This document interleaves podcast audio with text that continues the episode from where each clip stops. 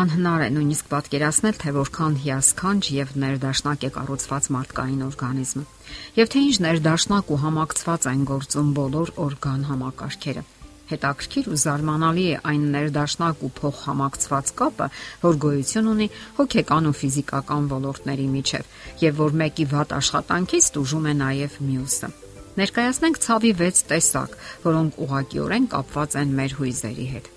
Հոգեբանական օրգանական ցավը ֆիզիկական ցավի հատուկ տեսակ է, որը պայմանավորված է մեր հոգեկան վիճակով։ Չմշակված հույզերը մնում են մարմնում, դրանով իսկ ազդելով մարդու վրա։ Բացասական հույզերն ու բացասական զգացողությունները այլ էներգետիկ հաճախականություն ունեն, քան դրականները, եւ որպես հետևանք դրանք կարող են վնասել օրգանները, հյուսվածքներն ու մարմնի բջիջները։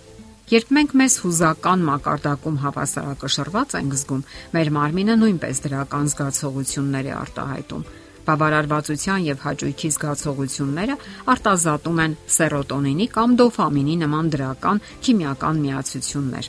որոնք ստիպում են, որ մեր մարմինը իրեն լավ զգա։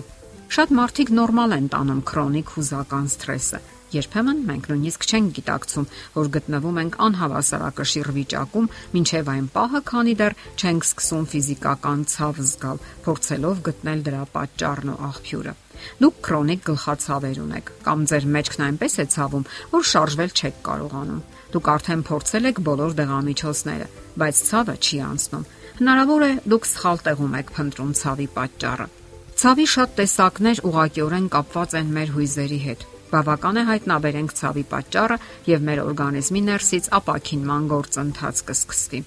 Ինչ է հոգեբանական օրգանական ցավը կամ ինչպես ընդունված է բժշկագիտության մեջ փսիխոսոմատիկ ցավը։ Դա խանգարում է որին բնորոշ են քրոնիկ ֆիզիկական ախտանիշներ։ Դրանք իդեպ միանշանակ եւ հստակ բժշկական բացատրություն չունեն։ Հարցն այն է, որ մեր մարմինը կարծես պատժում է մեզ այն բանի համար, որ ստիպել ենք նրան ծանր սթրես ապրել։ Թեև բացասական հույզերը ոչ միշտ են իհայտ գալիս մեր մեղքով, մեր մարմինը տարբերությունը չի որսում։ Երկարաժամկետ հուզական բռնությունը կամ դրա անտեսումը մանկության տարիներին կարող է արտահայտվել քրոնիկ պսիխոսոմատիկ ցավերի տեսքով։ Անկամ աննշան հուզական լարվածությունը կարող է մարմնի տարբեր հատվածներում արտահայտվել տարատեսակ ցավերի տեսքով։ Ցավը կարող է տևել տարիներ եւ նույնիսկ մարմնի մի հատվածից անցնել մյուսին։ մի Բժիշկները հաճախ չեն կարողանում գտնել այդ վիճակի ֆիզիկական բացատրությունը կամ հաջողակ դեղորայքային բուժումը, քանի որ դրանք պարզապես չկան։ Մեր գիտակցությունն ու մարմինը համատեղ են աշխատում։ Մարմնական ցավը կարող է ուղղակիորեն առաջ բերել նյարդային խաթարումներ եւ ֆիզիկական ցավ։ Գոյություն ունի ցավի 6 տարածված տեսակ, որոնք ուղղակիորեն կապված են մեր ֆիզիկական վիճակի հետ։ Առաջինը՝ գլխացավ եւ միգրեն։ Քրոնիկ գլխացավերի ու միգրենի մեծ մասը ամենօրյա սթրեսներով են պայմանավորված։ Գեներացված տագնապայնությունը նույնպես գլխացավ է հարուցում։ Ճնշված էմոցիաները սթրես են հարուցում եւ առաջին հերթին տագնապային վիճակ, անհանգստություն, նյարդայնություն կամ հոգնածություն, ուժեղացնելով մկանային լարվածությունն ու լայնացնելով անոթները, ինչն էլ բարթացնում է միգրենի ընթացքը։ Պարբերական գլխացավը կարող է ընթանալ ուղեկցվող գործոններով, Օրինակ, դուք նկատել եք, որ ձեր գլուխը սկսում է ցավից պայթել։ Օրինակ, դուք նկատել եք, որ ձեր գլուխը սկսում է ցավից պայթել, հենց որ բռնության հակում ունեցող ձեր զուգընկերը տուն է վերադառնում։ Կամ աշխատավայրում ռիթմիկ ցավ է սկսվում ճակատի ու քունքերի հատվածում, երբ հայտնվում է ձեր ինքնասիրահարված ղեկավարը։